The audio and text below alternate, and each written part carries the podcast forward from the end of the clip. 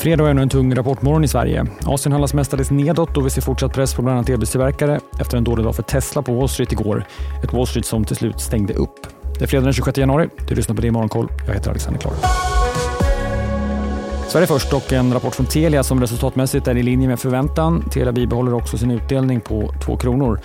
Bolagets organiska tillväxt var svagt negativ i kvartalet.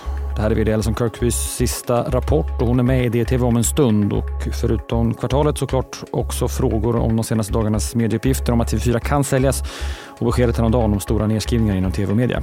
I rapporten skriver Kirkby att eh, tv och media har fortsatt utmaningar. Reklamintäkterna minskade med 14 procent i kvartalet men tillväxten i betal-tv kompenserade en del, steg 6,5 procent. Och lastbilstillverkaren Volvo har precis släppt siffror. Försäljningen var betydligt bättre än väntat, även resultatet. Man föreslår en utdelning om totalt 18 kronor per aktie. Samtidigt så sänker lastbilstillverkaren prognoserna för eh, lastbilsmarknaden både i Europa och Nordamerika. Elaren BHG har också släppt siffror. Rörelseresultatet visade på en förlust om knappt 44 miljoner kronor. Men man vill gärna presentera ett justerat rörelseresultat. Det landade på knappt 55 miljoner kronor. Den organiska tillväxten var negativ ner drygt 10 procent och som väntat föreslogs ingen utdelning. Skogsbolaget SCA kommer med sina siffror först klockan åtta. Ett SCA som föll på Stockholmsbörsen igår efter att två blanka rapporter släpptes. Både Viceroy, kända på senaste tiden efter blankningen mot bland annat SBB och även blankarfirman Ninger Research. Bland annat skriver Viceroy att SCA blåst upp värdet på skogstillgångarna medan Ninge säger och sin sida att SCA har större skulder än man redovisat. VD Ulf Larsson intervjuas i DTV strax efter klockan åtta. Och efter klockan nio hörs också Cloettas numera avgående VD Henri de Savaux Nolting som igår kväll meddelade att han lämnar VD-posten senare i år. Han har suttit där sedan 2017. Klarna är på väg att stärka sin balansräkning med en miljard kronor. Man kommer nämligen ställa ut en obligation, en så kallad AT1 som inte har något falldatum. Klarnas obligation har en rörlig ränta om 13,5 procent. Ett Klarna som också säger att man är allt närmare en börsnotering.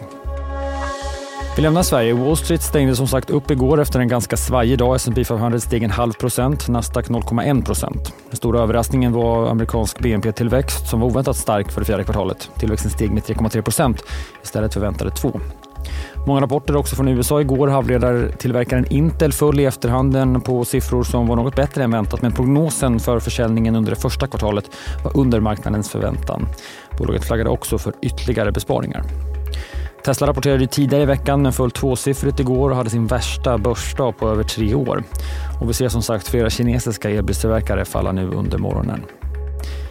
Den franska lyxjätten LVMH har också släppt kvartalssiffror för det fjärde kvartalet. Bolaget visade på en organisk tillväxt om 10% Utdelningen var något svagare kanske än väntat. Bolaget skriver att trots geopolitisk och makroekonomisk osäkerhet är bolaget trygg i sin förmåga att fortsätta växa även under 2024. Bortom alla rapporter så kan vi också nämna att fartygsattackerna i Röda havet har resulterat i att den kommersiella frakttrafiken genom Suezkanalen minskat kraftigt med hela 42 procent de senaste två månaderna enligt FNs handelsorgan. Och på det spåret så kan nämnas att Turkiets president Erdogan har godkänt Sveriges NATO-ansökan. Nu återstår endast Ungern.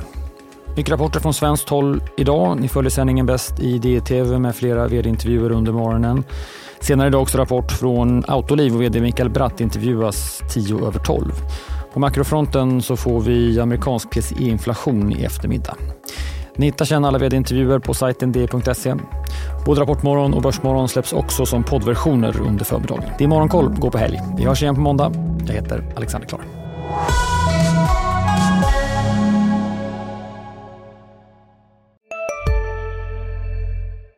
Där det finns ett samhälle där finns det brott.